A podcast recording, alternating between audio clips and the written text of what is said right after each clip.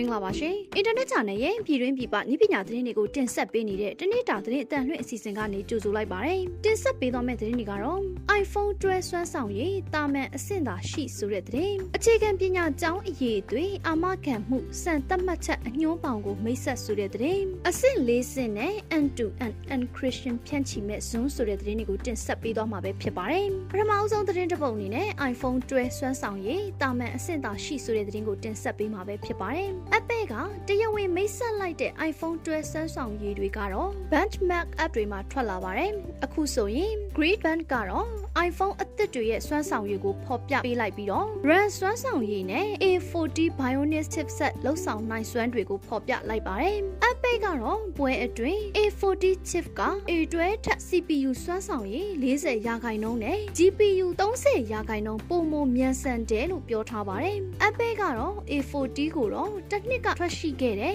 A12 နဲ့နှိုင်းယှဉ်ပြသခဲ့ပါတယ်။ဒါကြောင့် A40 chips အသစ်ကစွမ်းဆောင်ရည်အနည်းငယ်ပဲတိုးတက်လာပါတယ်။ Green Band မှာတော့ RAM 4GB ပါဝင်တဲ့ iPhone 12ကတော့မနစ်ကထွက်ခဲ့တဲ့ iPhone 11 series နဲ့စွမ်းဆောင်ရည်တူတာကိုရှင်းပြထားပါတယ်။ iPhone 12ကတော့ single core အတွင်း1500မှတ်နဲ့ multi core စမ်းသပ်မှုအတွင်း3688မှတ်ရရှိထားပါတယ်။ RAM 6GB ပါဝင်တဲ့ iPhone 12 Pro ကတော့ single core စမ်းသပ်မှုမှာ1590မှတ်နဲ့ multi core မှာတော့3882မှတ်ရရှိထားပါတယ်။အရင်နှစ်ကထွက်ရှိခဲ့တဲ့ A30 chip Grid Band စင်းနဲ့ရှင်ရင် iPhone အသစ်တွေက single core မှာ20ရာခိုင်နှုန်းနဲ့ multi core စမ်းသပ်မှုမှာ8ရာခိုင်နှုန်းလောက်ပဲတိုးတက်လာပါတယ်။ A40 chip ကတော့ 5G ပါဝင်တဲ့စွမ်းဆောင်ရည်ပိုင်းထက်စွမ်းအင်ချွေတာမှုအပိုင်းကိုအာရုံစိုက်ထားတယ်လို့ Greenback ကပြောခဲ့ပါတယ်။ဆက်လက်ပြီးအခြေခံပညာကျောင်းအရေးအသွေးအာမခံမှုစံသတ်မှတ်ချက်အညွှန်းပေါင်ကိုမိတ်ဆက်ဆိုတဲ့သတင်းကိုတင်ဆက်ပေးမှာပဲဖြစ်ပါတယ်။အခြေခံပညာကျောင်းအရေးအသွေးအာမခံမှု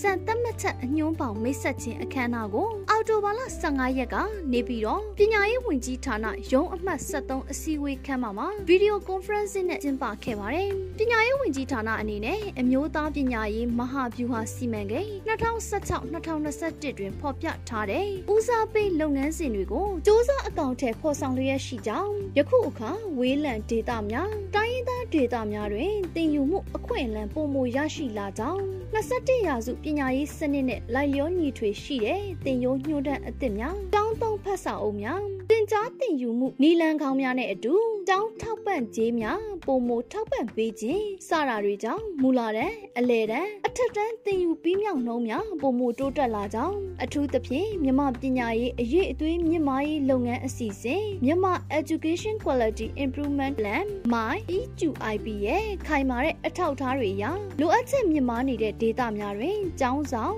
ဆရာဆရာမများစတာတွေဖြည့်ဆည်းရမယ့်အချက်လက်တွေကိုဦးစားပေးအလိုက်အလင်းအမြန်ဖြည့်ဆည်းဆောင်ရွက်ပေးနိုင်ခဲ့ကြောင်း ယခုလိုအောင်မြင်မှုဟာဆရာဆရာမများကျောင်းအုပ်များဒေသခံပြည်သူများနဲ့အစဉ်တစိုက်ကူညီဆောင်ရွက်ပေးကြတဲ့မိဖက်နိုင်ငံအဖွဲ့အစည်းများနဲ့ဩစတြေးလျနိုင်ငံတို့ရဲ့ပံ့ပိုးကူညီမှုကြောင့်သာဖြစ်ကြောင်းပညာရေးဝန်ကြီးဌာနပြည်ထောင်စုဝန်ကြီးဒေါက်တာမျိုးသိန်းကြီးကပြောကြားခဲ့ပါတယ်။အခြေခံပညာကျောင်းအရေးအသွေးအာမခံမှုစံသတ်မှတ်ချက်အညွှန်းပေါင်း BE SUASF ဟာ MY EQIB လုပ်ငန်းစဉ်မှာပေါ်ထွက်လာတဲ့ကဏ္ဍတစ်ခုဖြစ်တယ်လို့လည်းသိရပါတယ်။နောက်ဆုံးသတင်းတစ်ပုဒ်အနေနဲ့အဆင့်၄ဆင့်နဲ့ end-to-end encryption ဖြန့်ချိမဲ့ Zoom ဆိုတဲ့သတင်းကိုတင်ဆက်ပေးမှာပဲဖြစ်ပါတယ်။ Zoom ဟာလာမယ့်အပတ်အတွင်း end-to-end encryption E2EE ကိုစတင်ဖြန့်ချိမယ်လို့အတည်ပြုခဲ့ပါတယ်။ပထမဆုံးရက်30အတွင်းသုံးစွဲသူတွေစီကအမြင်တွေကိုတောင်းခံပြီးတော့အဆင့်3ဆင့်နဲ့ထောက်ပံ့ပေးပါတယ်။အဲ့ဒီကြေညာချက်ကိုတော့နှစ်စဉ်ပြုလုပ်နေကြ Zoom Topia ပွဲအစိတ်အပိုင်းအဖြစ်ထုတ်ပြန်ခဲ့ပါတယ်။ Zoom ကပွဲနဲ့ကျောင်းသင်ခန်းစာအတွက် platform အသစ်တွေအပြင်ဗီဒီယိုခေါ်ဆိုမှုအတွင်းအခြား app သုံးနိုင်တဲ့ Z platform ကိုလည်းမိတ်ဆက်ခဲ့ပါတယ်။အရင်က Zoom ဟာ E2EE လောက်ဆောင်ချက်ကိုအခကြေးငွေပေးတဲ့သုံးစွဲသူတွေအတွက်ပဲထောက်ပံ့ခဲ့ပါတယ်။ တကူရဲ့အချက်အလက်လုံခြုံရေးနဲ့နိုင်ငံသားအခွင့်အရေးလှုပ်ရှားသူအဖွဲ့တွေက E2EE လောက်ဆောင်ချက်က Premium လောက်ဆောင်ချက်မဖြစ်သင့်ဘူးလို့ဝေဖန်ခဲ့ကြပါတယ်။ဒါကြောင့် Zoom ကပြန်လည်ပြင်ဆင်ခဲ့ပြီးတော့သုံးစွဲသူအားလုံးအပေါ်ထောက်ပံ့မယ်လို့ကတိပေးခဲ့ပါတယ်။အခုတင်ဆက်ပေးသွားတဲ့သတင်းတွေကနိုင်ငံတကာနဲ့ပြည်တွင်းမှာရရှိထားတဲ့နည်းပညာသတင်းတွေကိုအင်တာနက်ဂျာနယ်ကနေတင်ဆက်လိုက်တာပဲဖြစ်ပါတယ်။အခုလို COVID-19 ဖြစ်ပေါ်နေတဲ့ကာလမှာပြည်သက်တွေအနေနဲ့လည်းကျန်းမာရေးနဲ့အာကစားဝန်ကြီးဌာနရဲ့လက်ညှိုးမှုတွေနဲ့အညီလိုက်နာဆောင်ရွက်ခါနေထိုင်တိုင်းသွားလာဖို့တိုက်တွန်းလိုက်ပါတယ်။ကျမကတော့ဝေမြင့်မူပါ။